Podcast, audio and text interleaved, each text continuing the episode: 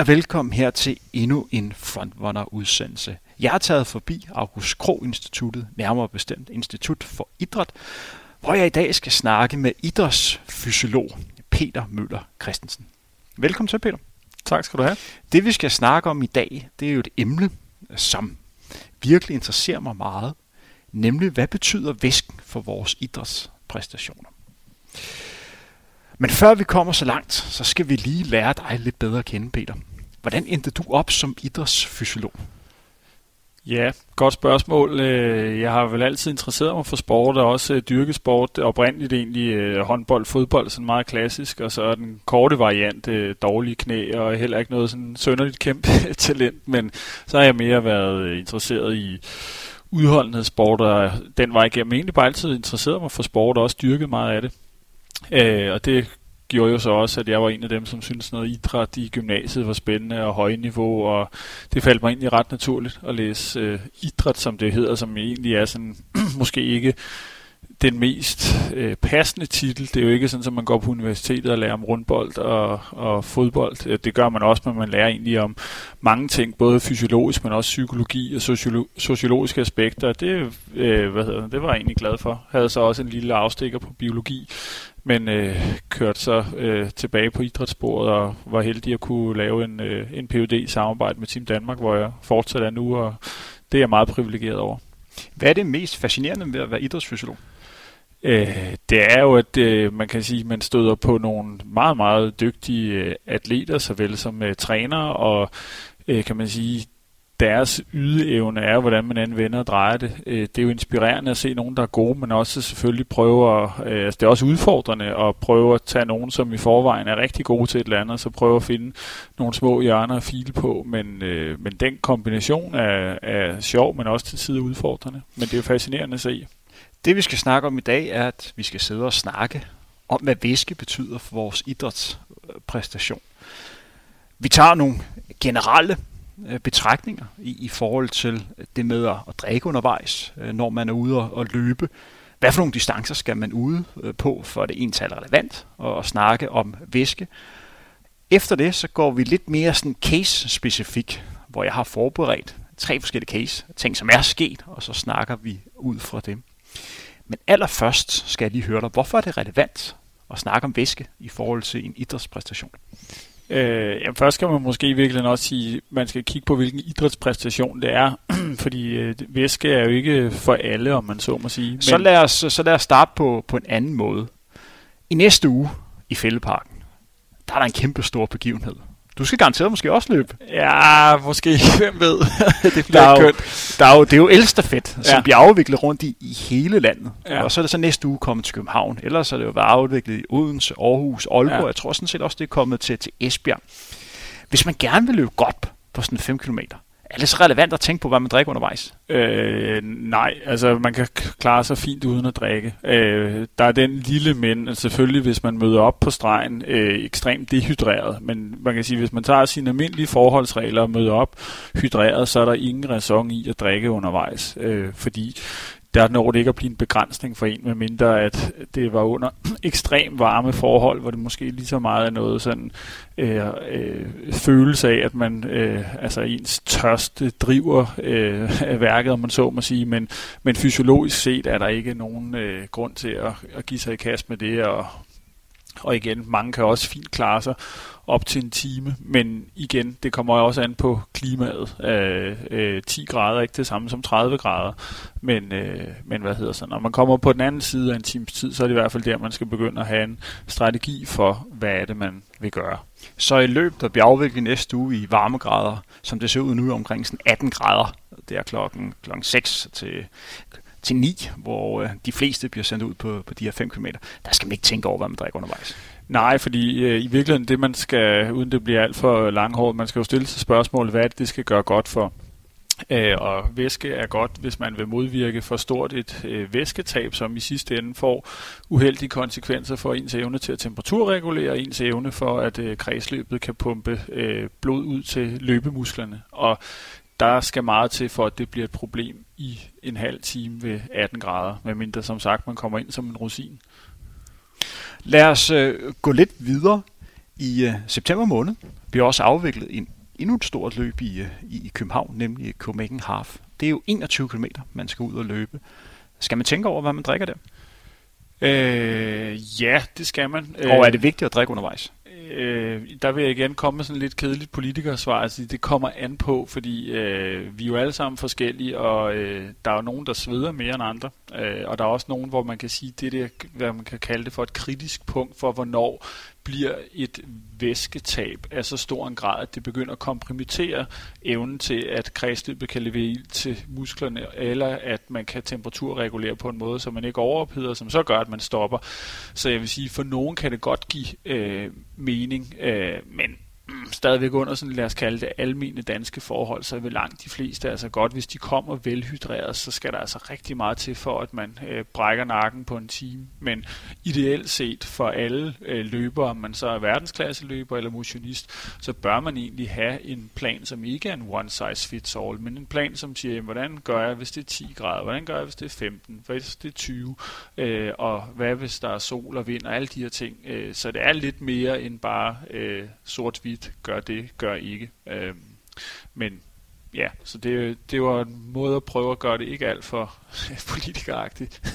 og vi kommer lidt mere ind på det specifikke lidt senere i denne udsendelse. Vi går lidt videre. Der er jo også mange, som hører det her program, som skal løbe maraton her i efteråret. Det kunne være Berlin Marathon, eller hos Andersen Marathon, eller andre maratonløb rundt omkring i verden.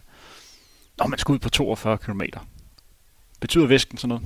Det vil i hvert fald øh, være et større problem. Altså det kan blive alt andet lige, at så er tidsfaktoren en øh, udfordring, som ligesom bare ganger på. Så ja, øh, under kan man sige samme forhold, så vil det være en, et, et større behov, man skal forholde sig til, hvis man skal løbe i tre timer, end hvis man skal løbe halvanden time, eller hvis man skal løbe fire i stedet for to. Det, det siger lidt sig selv, eller for så vidt, hvis man nu var meget, meget dygtig løber en i stedet for to timer. Så ja, der skal man igen have en øh, klar plan, og der kan det ende med at blive en begrænsning. Og hvor stor den begrænsning bliver for ens hastighed, det er så også meget betinget af dels hvor meget kan man formå at få ned, og også hvor stort et væsketab er det, man rent faktisk har, som jo ikke kun er betinget af, hvor hurtigt man løber, men også omgivelserne. Så er vi tilbage til det her med temperatur, fugtighed og sol osv. Hvis vi går lidt mere ind på, på omgivelserne, kan du være endnu mere specifik øh, der?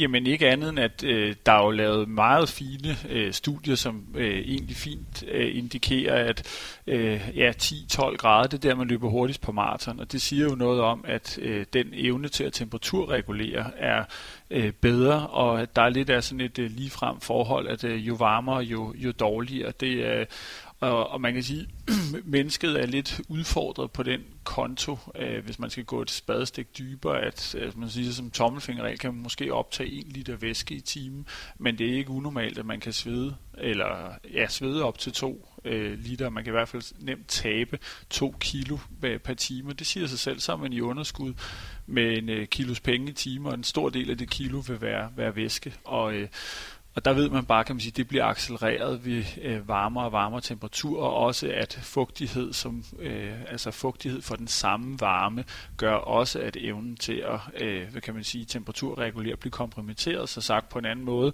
for den samme hastighed, så vil man få en, en større øh, hvad hedder sådan noget, temperaturstigning, og det er i sidste ende det, der øh, ender med sig at kunne sætte begrænsningerne, så man må sætte farten ned igen.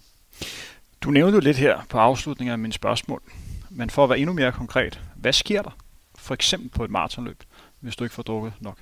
Jamen, øh, måden hvorpå man kommer af med varme mest effektivt, det er at få sendt øh, blod ud til øh, huden, øh, og vi sveder, om man så må sige.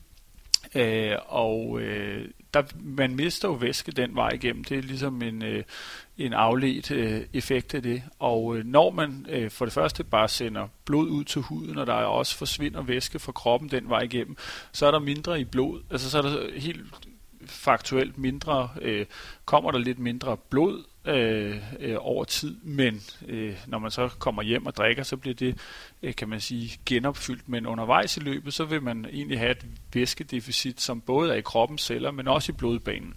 Øh, og når der er mindre blod, så har øh, hjertet svært ved at blive fyldt, og når hjertet har svært ved at blive fyldt, så kan det heller ikke pumpe lige så meget ud til de arbejdende muskler, så du får en, kan man sige, en central begrænsning, at du kan ikke levere lige så meget ild til øh, benene ved 25 grader, som du kan ved 10 grader, som konsekvens af, at du har for det første mistet lidt øh, blod, men mindst lige så vigtigt det, at som resultat af det varmt, så bliver man nødt til at sende nogle af de øh, 7 eller 8 liter blod ud øh, til huden, og af gode grunde kan den blod kun være et sted ad gangen, og hvis der er mere, der skal ud til huden, så er der mindre, der kan løbe rundt i resten af kroppen, herunder benene. Hvad skal man så drikke undervejs, hvis vi tager udgangspunkt i et maraton? Der er vel også noget, der hedder, hvad skal man have energi undervejs? Ja, Øh, altså, man det er jo et meget stort spørgsmål, det er jeg godt klar over. Ja, jo jo, så vi kan jo mm, prøve at, prøve at dele det op. Øh, der er øh, hvad hedder sådan noget væske og øh, væske øh, eller vand optages i virkeligheden bedre, er der meget øh, forskning, der indikerer, både hvis man har salte og sukker, og så er det et, øh, et, øh, en sådan eviggående proces. Hvad skal den ideelle blanding være? Der er det nok også lidt forskelligt fra person til person, men, øh, men ideelt set, så skal man jo prøve at, øh, altså firkantet sagt, så skal man jo få så meget væske ind, som gør, at det ikke når at blive øh, det kritiske punkt, og, og, og det kan være, at din kritiske dehydreringsgrænse begynder at indtræde ved øh, 2,5 procent. Det kan være, at den indtræder for mit vedkommende for 1,5 procent. For en anden løber kan det være det ved 4 procent. Og det skal man øh, lave sin plan efter, og så i tillæg med det øh, sige, ja, at væske er en ting, men ved, via væsken kan man jo så også få øh, energi i form af sukker, som også er en, en væsentlig ting. Hvis vi tager udgangspunkt i, i sukker, Øh, hvad for noget sukker er, er godt at tage, for eksempel på en maraton? De fleste vil øh, øh, hvad hedder sådan noget, anbefale, at det er de her blandingsprodukter, så maltodextrin har jo været fremhævet længe, og det er i hvert fald sådan en klassiker, hvor man både har blanding af om det er glukose og fruktose, men fordi der er nogle øh, transportører i tarmsystemet, som ligesom er, øh, lad os kalde det, øh, begrænset, men hvis, de er, hvis der er øh, hvad hedder sådan noget, flere typer af sukker, så kan man få mere ind over øh, tarmen. Så det vil typisk være nogle af de her blandingsprodukter, som er øh, der, hvor man kan få den højeste øh, optagelsesrate. Men det er igen også vigtigt, at øh, fordi det er blevet vist i et laboratorie i Skotland eller i USA på en øh, gruppe på 10 løber. Øh, det er jo ikke ens betydende med, at det lige fungerer for dig med den mave, du har, og, og hvad der ellers kan være. Så det er jo vigtigt, at man får prøvet de her ting af øh, ultimativt, men, men, øh, men når det er sagt, så skal man jo øh, forsøge at få øh, så meget sukker ind, som man nu kan håndtere. Det er der i og væk meget data, som underbygger. Det løber man bedst på, når man skal på den anden side af en time. Hvis vi sammenligner det med for eksempel at løbe et halvmarathon, kontra det med at spille en, en fodboldkamp under samme øh, varme forhold. Lad os tage udgangspunkt i en fodboldkamp, der var de her 2 gange 45 minutter, så varmer det lidt op, og så varmer lidt op igen i pausen, så vi kommer nok omkring sådan to timers varighed. Der er alligevel også mange løbere, der ligger og løber et halvmarathon på, på to timer. Er der nogen forskel på, hvad man skal drikke, for eksempel hvis du spiller sådan en fodboldkamp, kontra hvis du simpelthen løber et halvmarathon, og vi tager udgangspunkt i, at det måske begge steder er 14 grader? Åh, oh, det er svært. Øhm, altså jeg vil sige, begge atleter øh, eller begge motionister skal jo i virkeligheden drikke så tilpas meget, så øh, deres fysiologiske systemer bliver kompromitteret så lidt som muligt. Øh, og der er det jo lidt, kan man sige, de samme mekanismer, altså den, øh, øh, altså tarmsystemet og øh, hvor meget vand det kan optage, og hvor meget sukker der kan blive trukket med ind over, er jo ikke forskelligt fra, om du er øh, fodbold eller øh, øh, øh, maratonløber, der slukkede lyset lige. men, øh, men det, man skal huske på i alt det her, og som jo egentlig af mit indtryk har været øh, gammelt kendt blandt øh, praktikere, men som så nogle gange videnskabeligt at der ikke nogen, der lige synes, det er så spændende. Men at øh, og øh, maven er også et organ, man kan træne, og det er altså en vigtig faktor at huske på, at der er nogen nu her, der har egentlig vist, at til at starte med for en given sukkermængde i øh, blandet op med, med vand, så rapporterer folk uha på en skala fra 1 til 10, så havde jeg maveproblemer op til en 6'er ved at gøre det på den her måde.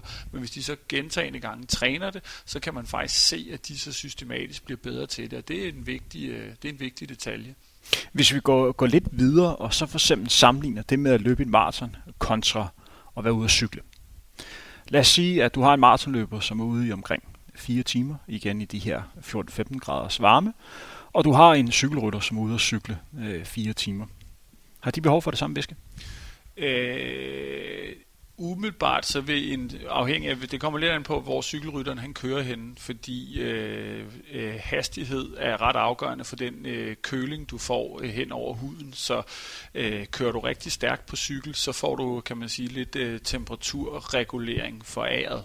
Øh, så tager vi eksemplet med en cykelrytter, som kører hurtigt, øh, så vil han som regel være begunstiget af, at han er i bedre i stand til at komme af med varmen relativt til en løber, hvor det går lidt langsommere. Men tog vi så eksemplet, at man sad på et meget langt bjerg, der tog fire timer at komme op af, og det egentlig går relativt langsomt, fordi det kan hurtigt, eller hurtigt, det er jo måske et forkert term at bruge her, det kan nemt være 10 km i timen, man som motionist kører op ad et stejlt bjerg, og det er jo ikke meget forskelligt for den hastighed, man møder som øh, løber. Der vil jeg sige, der er det meget øh, en til en.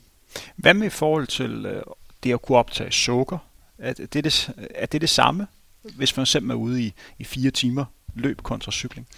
Øh, erfaringsmæssigt, så er, der, øh, er det nemmere i cykling, fordi øh, dels sådan rent lavpraktisk at få fat på dunkene, drikke det, øh, og øh, altså det, det, det er simpelthen nemmere sådan rent øh, lavpraktisk, øh, plus at du ikke på samme måde, mindre du måske kører på nogle meget slemme brosten, øh, så kommer du ikke udenom, at der også i løb er bevægelse op og ned, som gør, øh, at øh, det kan, altså det kan føles kan man sige, mere ubehageligt at have væske, som man føler ligger skulper rundt, og det er jo en iboende udfordring i løb, som man ikke på samme måde har i cykling, og den øh, kan man sige, det er, en, øh, det er igen noget, man så som løber skal øh, være god til at kunne under de øh, givende omstændigheder, hvor, øh, hvor væskeindtaget kan blive et problem, at man har trænet den evne til at kunne øh, optage væsken, og det ikke bliver et problem for en. Det næste, vi skal gøre, det er, at vi skal gå ned og snakke om nogle specifikke case, fordi min erfaring er, at når vi snakker om et emne som væske, er det meget godt, at vi tager fat i en konkret øh, episode, så folk bedre kan forholde sig til det. Øh, det første, vi sådan skal, skal snakke om, er noget, som der skete i maj måned i forbindelse med øh, Telenor Copenhagen Marathon det er ikke helt ekstraordinært, at det skete lige der, for det er noget, der sådan typisk øh, sker i de her maratonløb, som bliver afviklet i april og maj måned. Men det var meget ekstremt for dem, der, der løb det her Telenor Copenhagen Marathon, som er Danmarks største maratonløb. Da de her mere end 13.000 startede maratonløbet kl. 9.30 en flot majdag, der var det omkring sådan, de her sådan 13-14 grader. Efter de har løbet en time, så var temperaturen lige pludselig steget 10 grader hvor den fortsatte opad til at være omkring sådan 27, når det var varmest. Der var rigtig mange løber, der begyndte at få det hårdt. Hvad skete der her for løberne? Ja, igen, hvis vi vender tilbage til den der forklaring med, hvor bliver blodet sendt hen, så er det klart, at den løber, som starter ud i 13 grader, ved for den samme løbehastighed ikke skulle sende særlig meget af sit blod ud til huden, og det vil sige, øh, den øh, iltleverance, øh, kredsløbet kan sende ned til benet, øh, er, er kan man sige, nemmere vedligeholdt. Så i takt med, at temperaturen stiger, og, øh, og vi er indrettet på sådan en måde, at vi skal helst ikke blive alt for varme, så autoregulerer kroppen, og når det så bliver, ja, lad os så tage det ekstreme i den anden ende til i skalaen, at det bliver 23 grader, ja, så er det, at for at man ikke overpeder, så må øh, kroppen så at sige sende øh, mere af det blod, der kunne komme ned til benene, ud til huden, og det får så den øh, lidt øh, irriterende konsekvens, hvis man kan forløbe stærkt, at øh, så bliver det så sværere, fordi der er en, øh, en, hvad hedder det, en nedsat evne for øh, hjertet til at levere ild til de arbejdende muskler. Øh. Hvad gør man som løber, hvis man igen skal ud over de forhold. Der er jo mange løbere, der tænker, jeg skal godt nok have meget at drikke, men begynder at få problemer med maven, eller begynder langsomt at gå over, og bare kan mærke, at, at tempoet bare bliver langsommere og langsommere. Hvad kan man gøre som løber? Øh, er det bare at sætte tempoet ned? Lidt hårdt sagt, så, øh, uden at det skal blive sådan lidt for mærkeligt. Øh, men naturen har det som regel med at vinde, og den skal man respektere. Altså forstået på den måde, at øh, det er jo ikke... Øh, empirien viser jo også, at øh, der bliver ikke løbet stærkt i varmen. Og det, så kan man synes, det er irriterende, og jeg vil fandme gerne slå rekord i dag på 3.30. Men hvis man er uheldig, og det nu engang det er værligt, så, så må man forene sig med det. Øh, det, det andet, det, så ender det med, at det bliver en øh, måske potentielt rigtig dårlig oplevelse, hvor man øh, kollapser og andet. Så det er mere det der med, at man mentalt øh, godt ved, at jamen, under de her vejrforhold, så skal jeg øh, gå efter at sætte rekorder, og det kan man så øh, gå skarpt efter. Men hvis tingene ændrer sig, lidt svarende til, at hvis man er øh, ude, og det begynder at blæse op, og det er modvinden, den, så, så ved de fleste jo godt, jamen, så kommer jeg jo ikke så hurtigt i mål. Så kan man vende rundt, øh, men det kan man jo bare ikke rigtigt på en maraton. Så, så jeg synes egentlig, at øh, man skal selvfølgelig gøre, hvad man kan for at modarbejde det, men jeg tror også bare, at den, øh, den er svær, altså den er svær at, at vende, fordi det viser, øh, det viser al øh, ja, empiri, at øh, folk løber ikke stærkt i varmen, og det er for en grund, og den, altså man kan ikke rigtig snyde øh, naturen eller fysiologien. I forhold til det her sukkerindtag, langt de fleste løber, når de starter ud i de her 13-14 grader, kan jo optage en normal øh, sukkerblanding, og det er jo for mange udholdenhedsatleter, hvis vi sådan har fokus på langdistansløber, det ligger omkring sådan 7-8 procent af det indhold, det skal være, det skal være sukker. For nogle er lidt højere, og nogle er, er, er, er lidt lavere. Hvad sker der, når det lige pludselig bliver 10 grader varmere? Kroppen kan vel optage mindre sukker? Ja, det vil jeg være der svar skyldig på. Jeg er faktisk ikke bekendt med de studier, som sådan har undersøgt det i detaljen, men, øh, men man kan sige, øh, hvis... Øh, Øh, det er ret svært at måle på det her, vil jeg så skynde mig at sige, men øh, tarmene skal jo også have blod, lige så vel som huden skal have blod, og musklerne skal have blod. Så det er klart, at hvis tarmsystemets øh, blod øh, øh, øh, supply, hvad hedder det, blodtilførsel bliver nedsat som resultat af, at der er mere, der skal sendes ud til huden og andre steder, så har man jo et link til, hvorfor det så kan blive sværere at optage såvel øh, væske og den sukker, der er i. Og det, øh, men om det forholder sig sådan, fordi det er ret svært at måle på, øh, ja, generelt er det svært at måle på, hvor blodet rent faktisk løber hen, i, øh, specielt under løb. Øhm. De gange, hvor jeg selv har løbet maraton under varme forhold, og det er jo varme forhold på maraton, når det bliver 23 grader, så har jeg kunne mærke, at hvis jeg har fået for meget sukker, så har jeg fået problemer med, med maven, ja. og begyndt at, at få det sådan lidt utilpas. Så på den måde har jeg prøvet at få fortynde mm. øh, sukkerindholdet så meget som muligt. Så for mit vedkommende har vi været helt nede i sådan 2-3 procent. Det er ikke meget sukker, jeg får ind, men øh, jeg har ikke kvalme, Nej. Øh, og jeg får, jeg får vand ind. Har det været den rigtige strategi? Øh, jeg vil sige både og. Det har været den rigtige strategi i forhold til, at du har i hvert fald gennemført øh, det løb, og, øh, og det gælder jo om med de her ting, når man får de her, lad os kalde det udfordringer, at så man i hvert fald ikke, altså man reagerer på det, og man øh, siger, okay, hvad, det her fungerer i hvert fald ikke, fordi hvis man ultimativt får virkelig dårlig mave, så kan man slet ikke løbe.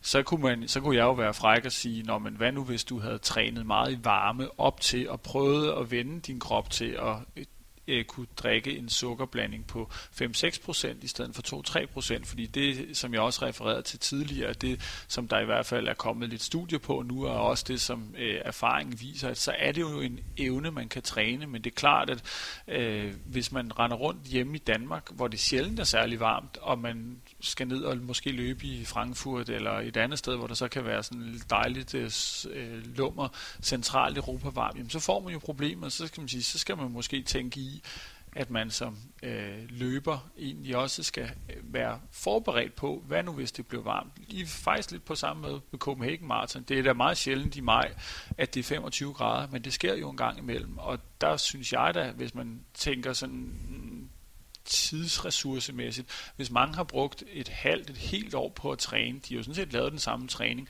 skulle man så overveje måske hvis man kigger lidt på nogle vejrprognoser, men hvis der bare var den mindste sandsynlighed for, at der måske kommer et lækkert højtryk ind fra Rusland, øh, så vil jeg da klart overveje, at man så i, i ugen, ugerne, to uger måske op til, havde nogle varmepas, fordi kroppen reagerer faktisk ret hurtigt på varme stress under træning, og den vej igennem bliver bedre til at håndtere varme. Og det synes jeg egentlig er en take-home message, som mange måske skal overveje, at hvis øh, de steder, hvor de kan løbe, hvis der er forventet varmegrader, så sørg nu også for at træne øh, i varme. I praksis kan det jo være så simpelt, som man bare tager noget ekstra tøj på, at man måske tager et varmt bad, inden man går ud og løber. Øh, for den vej igennem og, og stresse kroppen velvidende. Det ikke er særlig behageligt, så man skal også finde en balance, øh, så det er til at overkomme. Det er jo helt fantastisk, Peter, for du er gået direkte videre til min næste spørgsmål til dig, nemlig om, hvad man, hvordan man kan forberede sig hvis man for eksempel skal løbe et maratonløb i, i efteråret. Der er jo rigtig mange danskere, som skal øh, for eksempel løbe øh, Berlin Marathon, som bliver afviklet den øh, sidste søndag i september måned. Den dag er der også hos Andersen Marathon. Det er jo, det er jo to øh, løb, hvor man kan forvente varmegrader mellem 10 til 20 grader. Det er vel lidt usandsynligt, at man klokken 9 øh, i Tyskland har over 20 grader. Det kan godt være, at det lige på den sidste time nærmer sig 23 grader, men det hører til, til sjældenhederne. Så det er omkring 10-20 grader, man skal øh, forholde sig til. Hvordan vil man gøre det rent praktisk? Mm. Ja, altså igen, øh, have lavet sin øh, øh, test ideelt set hjemmefra, hvor man ved, jamen når det er 20 grader, så øh, når jeg løber en time i det tempo, jeg gerne vil løbe i, så taber jeg så meget. Og så kan man lægge sig lidt op af nogle guidelines, der hedder, at vi normalt siger, at på den anden side af, at man taber 2% af sin kropsvægt, så vil det for nogen ikke være et problem, men det kan begynde at blive et problem, og det er i hvert fald i stigende grad på den anden side 2%. Så hvis jeg skulle prøve at gøre det sådan lidt lavpraktisk, så kunne man starte med det, og så sige, okay, øh, hvordan vil det så se ud, når jeg kommer forbi den første time, den anden time, med de gældende drikkerutiner, jeg har, øh, ved henholdsvis 20 grader, 15 grader, 10 grader. Så ud fra det, så kan man sådan set lave en plan, der hedder, jamen, hvis det er 20 grader, og jeg kun kan finde ud af at drikke øh, 200 ml i timen, men mit regnestykke siger mig, at så når jeg kommer til 25 km, så er jeg allerede måske 3% nede i kropsvægt. Øh, så skal man begynde at arbejde med den væskestrategi, som gør, at det ikke bliver et problem ved 20 grader. Og så må man øve sig i at kunne drikke noget mere.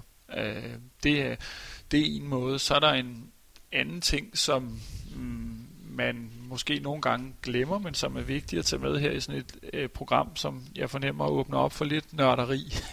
at, Vi kan øh, godt lide nørderi. Øh, at det er jo ikke nyt, at man snakker om, at man skal carboloade eller sukkerloade. Altså ultimativt, at man gerne vil have, at ens øh, muskelfiber og ens lever har øh, et højt sukkerindhold, fordi at det er det brændstof, man øh, løber hurtigst på. Det man også bare skal huske på i den forbindelse, det er, at det binder faktisk også væske. Øh, så hvis man øger sine kulhydratniveauer, så øger man faktisk også, kan man sige, sin væskemængde øh, i kroppen. Øh, og det kan man jo betragte lidt som et reservoir, men det er jo ikke øh, sådan, så jeg bare nu går ud og siger, øh, altså, øh, øh spis, spis, spis. Men generelt set, så vil de fleste nok sige, at øh, på den anden side af en time, så begynder sukkermængderne, man starter ud med til kilometer 0 at være en potentiel begrænsning. Så der vil det være en fordel, at hvis man kan udskyde det punkt, det vil sige, at man starter op med højere niveauer, øh, og som kan man sige fordel til det, eller en mulig fordel i hvert fald under varme forhold, det er jo så også, at man får mere væske med rundt. Men det er lidt lakrids det her, fordi under, lad os så kalde det 10 grader, så er det egentlig ikke sikkert, at de der ekstra 300-400 grams væske, plus det sukker, du også har gemt, sukkeret kan vi så lige parkere for en stund, men den ekstra væskemængde, den når måske egentlig ikke at blive en fordel, og så slipper man bare rundt på væsken. Og alle ved jo godt, at de helst gerne vil tisse og gå på toilettet og alt det herinde, fordi man vil jo egentlig helst have så lidt dødvægt som muligt. Så den er, den er lidt speciel, men man skal bare øh, tænke i, at under varme forhold er det måske en ekstra god grund til, at man i hvert fald også har sukkerlåde, fordi så har man bare mere øh, væske i, i kroppen til at, og, som forsvar, man så må sige. Og hvor vigtigt er det, man, du har lidt nævnt det, men bare lige for at skære det fuldstændig ud i pap, hvor vigtigt er det, at man har fokus på det element, der hedder væskeindtag og energiindtag under et længere løb som maraton? Det er vigtigt. Uh, ingen tvivl om det. Uh, det er der masser af studier, som viser, at øh, sukker undervejs øh, hjælper. Øh, det er sådan set meget basic. Øh, tilsvarende med væske. Og, øh, og som tilføjelse til det vil jeg også sige, at det element, jeg snakkede om før, det her med, at man også starter ud med høje sukkerniveauer inden, altså sådan så diæten i dagen, øh, dagene op til også er afstemt, øh, sådan så man har, øh, skal man sige, så meget brændstof øh, på tanken som øh, som muligt. Så det svarer lidt til, at man går til den store eksamen, og så er en del af pensum, man fuldstændig udlader. ja, det, det, øh, man skal i hvert fald, øh, det, vil, det vil være uhensigtsmæssigt, at man ikke har det element øh, med. Også fordi det er så relativt nemt. Altså det er jo ikke, igen tilbage til det der med, at man træner et halvt år, man træner et helt år. Man ligger så mange timer rundt om den ene sø, om den anden sø. Ikke? Men det, at man måske lige bruger øh, øh, sin øh, ja, sunde fornuft, eller konsulterer øh, nogle øh, mennesker, eller læser øh, nogle fornuftige bøger, indlæg, whatever, men det her med, at vi, det er ikke hemmelig viden, det her med, hvordan kan man øge sine sukkerniveauer og, og sukkerniveauer i musklerne og leveren.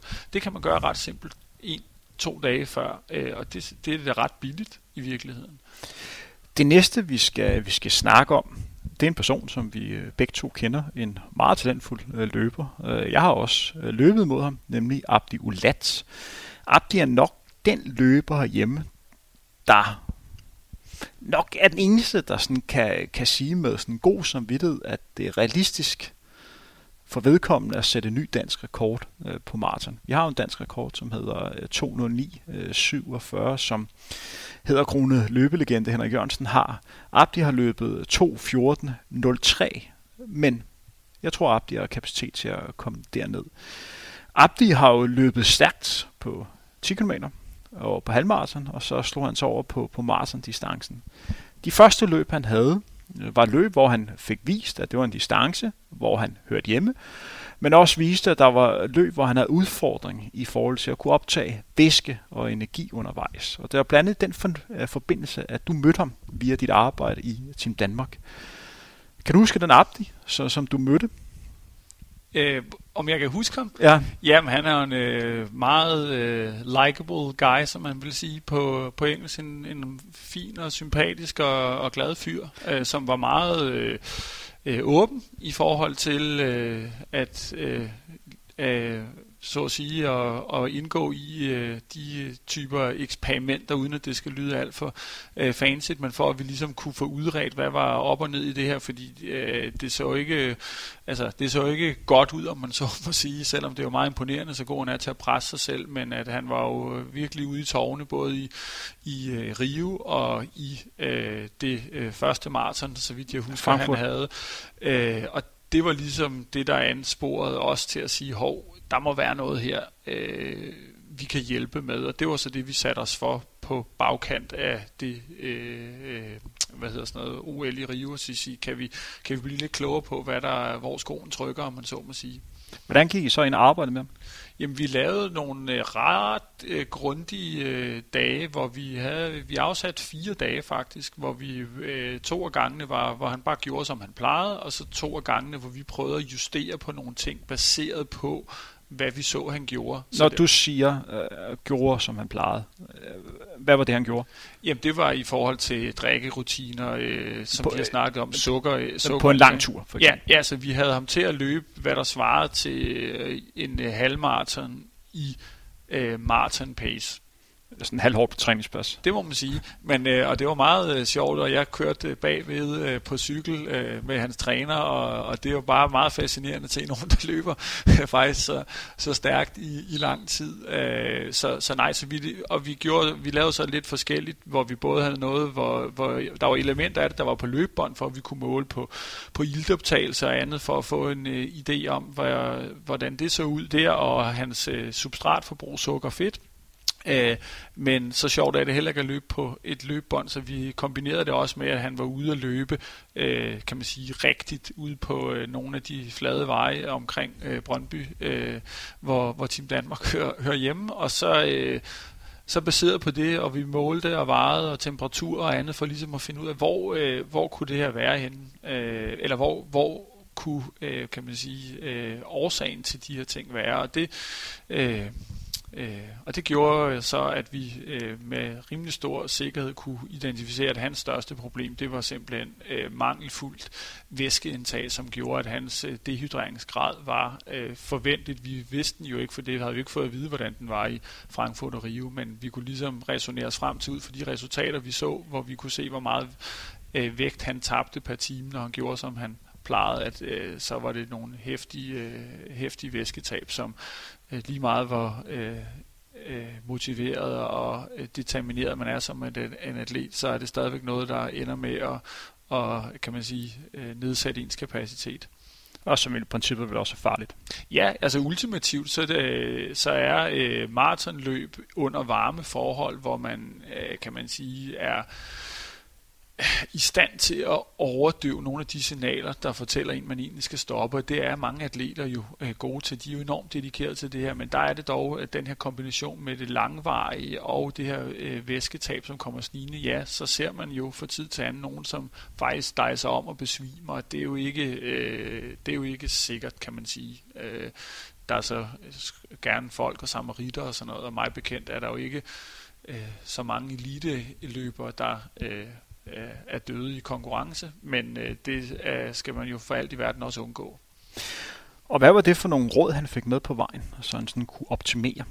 Jamen det var egentlig, øh, øh, det primære var at drikke noget mere, og det lyder enormt basic, det er det faktisk også, som øh, mange ting her i verden. Selv hvis man tænker om med eliteatleter, så er det fancy pansy og, og lækre øh, dingenoter, der kan måle alle mulige ting, og øh, en, øh, hver morgen får man at vide, at du skal spise et gram cornflakes mere, og så bliver du verdensmester. Det var slet ikke der, vi var. Det er nogle gange de simple ting, som fungerer, og det øh, hovedbudskab, vi kom til ham med, det var, øh, øv dig i at drikke noget mere så vi kan modvirke, at det øh, vægttab hvor en stor del af det er væske, øh, at det ikke bliver så stort et problem. Og det gik han til med, med hvad hedder sådan noget, krum hals, og blev rigtig god til det faktisk, og havde så også, øh, som jeg memorerer det, en, øh, en, altså kan man sige, en god oplevelse ved øh, VM i London, hvor, øh, hvor han jo i hvert fald øh, gennemførte i, i, i fin stil. Og havde Hvis jeg lige øh, kommer ind her øh, ved VM i London i 2017, jeg mener han blev nummer øh, 13, for nogle af jer, der sidder og hører med, så tænker jeg, at nummer 13 til VM, det er ikke noget super. Men inden for mellem langdistancer, det med at blive nummer 13 i en idrætsgren, der er domineret så meget af de østafrikanske lande, det er altså rigtig, rigtig flot. Det er de færreste europæiske løber, der gør det. Jeg tror, han var den tredje bedste europæer øh, den dag, så det var bestemt et, et meget, meget øh, opløftende resultat, der fortjener anerkendelse. Jo, bestemt, og i, ultimativt var vi jo bare glade på Abdis vegne over, at det i hvert fald lignede, at i den virkelige verden, det vil sige, når han nu gik ud og løb et rigtigt maratonløb, og der i London var det jo ikke hverken synderligt koldt, det var heller ikke, fordi det var varmt men han gennemførte jo i hvert fald i, i fin stil, øh, og vi kunne også se på målingerne bagefter, at de ting, vi øh, så havde fokuseret på i forhold til, om var temperatur et problem, nej, det var det ikke, det kunne vi måle. Øh, øh, så der var det lidt fancy pansy med sådan nogle temperaturpiller, øh, øh, som er sådan engangsforetagende, hvor man så efterfølgende kan se, hvad har temperaturen været nede i maven, og så forsvinder den, når man går på toilettet. Øh, men Ellers så vi kunne se også, at det, det vægttab, han havde undervejs, det var inden for de, kan man sige, rammer, hvor vi sagde, at der er, har han ikke været øh, øh, presset på, altså selvfølgelig er alle jo presset, når man løber stærkt på, på to timer, men, men øh, det var i hvert fald på en måde, sådan, så den væskestrategi ikke gjorde, at han blev unødigt presset på nogen måde.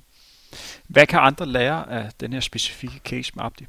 Jamen jeg synes netop det her med, at man øh, finder ud af, hvor øh, altså et øh, har man øh, et problem, altså kan man se et mønster øh, kan man se, at hver Og er det et mønster, hvis man har to maratonløb, øh, hvor man nærmest kollapser, når man kommer i mål? For det var, vi var derude. Ja, og det, altså, så kan man sige, okay, vil man øh, gerne kunne se det på, øh, på 20 løb. Nu var det hans tredje øh, løb i Rio, mig bekendt, og hvis du så har to ud af tre af dem, så kan vi bare sige procentuelt, så er det 66 procent. Om det så er et, øh, et mønster, man kan trække op til, hvordan havde det set ud, hvis han havde løbet flere, er det også bare mangel på erfaring. Men bottom line, jeg tror, de fleste mennesker kender udmærket godt til, at der er nogle ting, der gentager sig, om det så er i sociale sammenhæng, eller at man godt kan se, jamen, no, når nu er jeg ude, og jeg er på 30, og jeg cutter helt vildt meget. Hvis man så ligesom tager skridtet tilbage og siger, okay, hvordan kan vi øh, adressere det her, og så sige, hvad er problemet? Øh, og det var det egentlig det, vi prøvede, og så sådan lidt systematisk sige, okay, var det øh, vores umiddelbare, kan man sige, kandidater var, at det enten var øh, væsken, der var problemet, eller øh, mangelfuld sukkerindtag.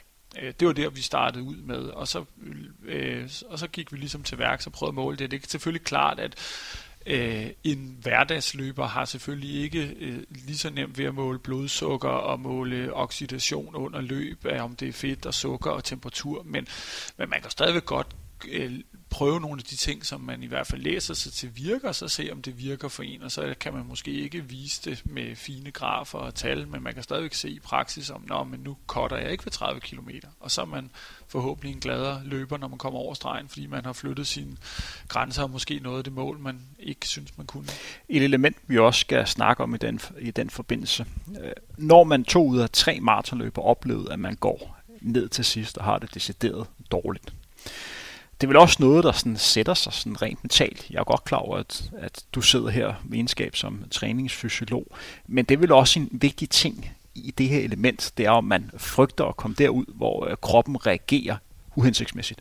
Det øh, er jeg meget enig i, at det er der et, øh, altså det, så hænger det lidt som sådan en sky over hovedet på en, og det tror jeg alle, der har dyrket en eller anden form for øh, udholdenhedssportsgren, øh, hvor man enten kan øh, øh, blive ramt af kramper, eller blive ramt af ja, dårlig mave, eller øh, øh, ubehag for varme, at når man først har prøvet det et par gange, ja, så, så, og det er jo måske også en meget smart egenskab som menneske, at så så sætter det sig lidt, og så har man måske det at, og kan man sige, beslutningstag ud fra. Øh, ja, så, så, så jo, så hvis, hvis man også kan få vendt, øh, vendt det billede og ligesom stole på, jamen det jeg gør, det fungerer, og, og, og det var det løb i 17 jo i hvert fald et, et, øh, et modstykke øh, til de, kan man sige, mindre gode oplevelser. Det er jo så det, man skal prøve at bygge videre på de gode erfaringer derfra. Så hvis vi igen tager udgangspunkt i de løber, som havde det hårdt i deres maratonløb i maj måned, fordi det blev ekstreme forhold, mm.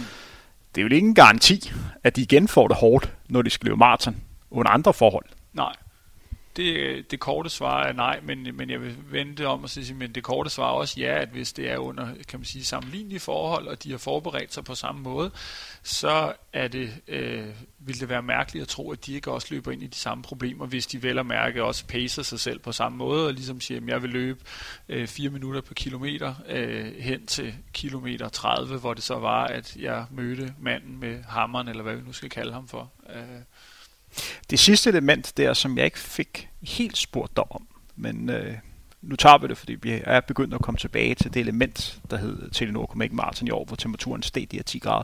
Havde det været bedre for løberne, hvis temperaturen havde været stabil hele vejen? Øh, ja, hvis den havde været stabil lav. ja, men havde det været bedre for løberen, hvis vi siger, at den er stabil sådan 20-23 grader, så kroppen binder sig til fra starten af at løbe under de her forhold? Øh, nej, der vil det stadigvæk, øh, det vil være en større, kan man sige, klimamæssig udfordring at løbe øh, tre timer ved en gennemsnitstemperatur stabil på 20 grader, end hvis man løber de første to ved 12 eller 15. Og så, så ryger man ind, så, så, har, de, så er man kommet nemmere til, man er kommet nemmere til de øh, 30 km efter tre timer, hvis man har haft det, nu siger jeg, koldere omgivelser i starten. Så de har fået det hårde til der? Hvad siger du? De har fået det hårde tidligere. Ja, eller også havde de øh, for at kunne, øh, eller også havde de bare været længere tid, kan man sige. Hvis de havde løbet for den samme, kan man sige, perception af, hvor hårdt skal det her føles efter 5 og 10, øh, så havde de for at have den samme følelse, lidt firkantet sagt, måtte sætte tempoet ned, og så havde de haft en dårligere tid efter 30 km. Øh, det vil være det forventelige. Det I hørte her, det var en frontrunner-udsendelse, hvor vi havde fokus på væskens betydning, når vi snakker idrætspræstationer primært fokus på de lidt længere løb, og så havde vi nogle case-specifikke ting, hvor vi sad og snakkede om, hvad væsken havde af betydning der. Tusind tak til dig, Peter, fordi du har lyst til at være, være med. Jeres vært var undertegnet Henrik Thiem. Husk at gå ind og følge Frontrunner der, hvor du hører podcast. Stor tak til jer, som har tilbragt det, der blev små 45 minutter. Jeg håber, I kunne, kunne lide denne udsendelse. Vi høres ved ingen længe.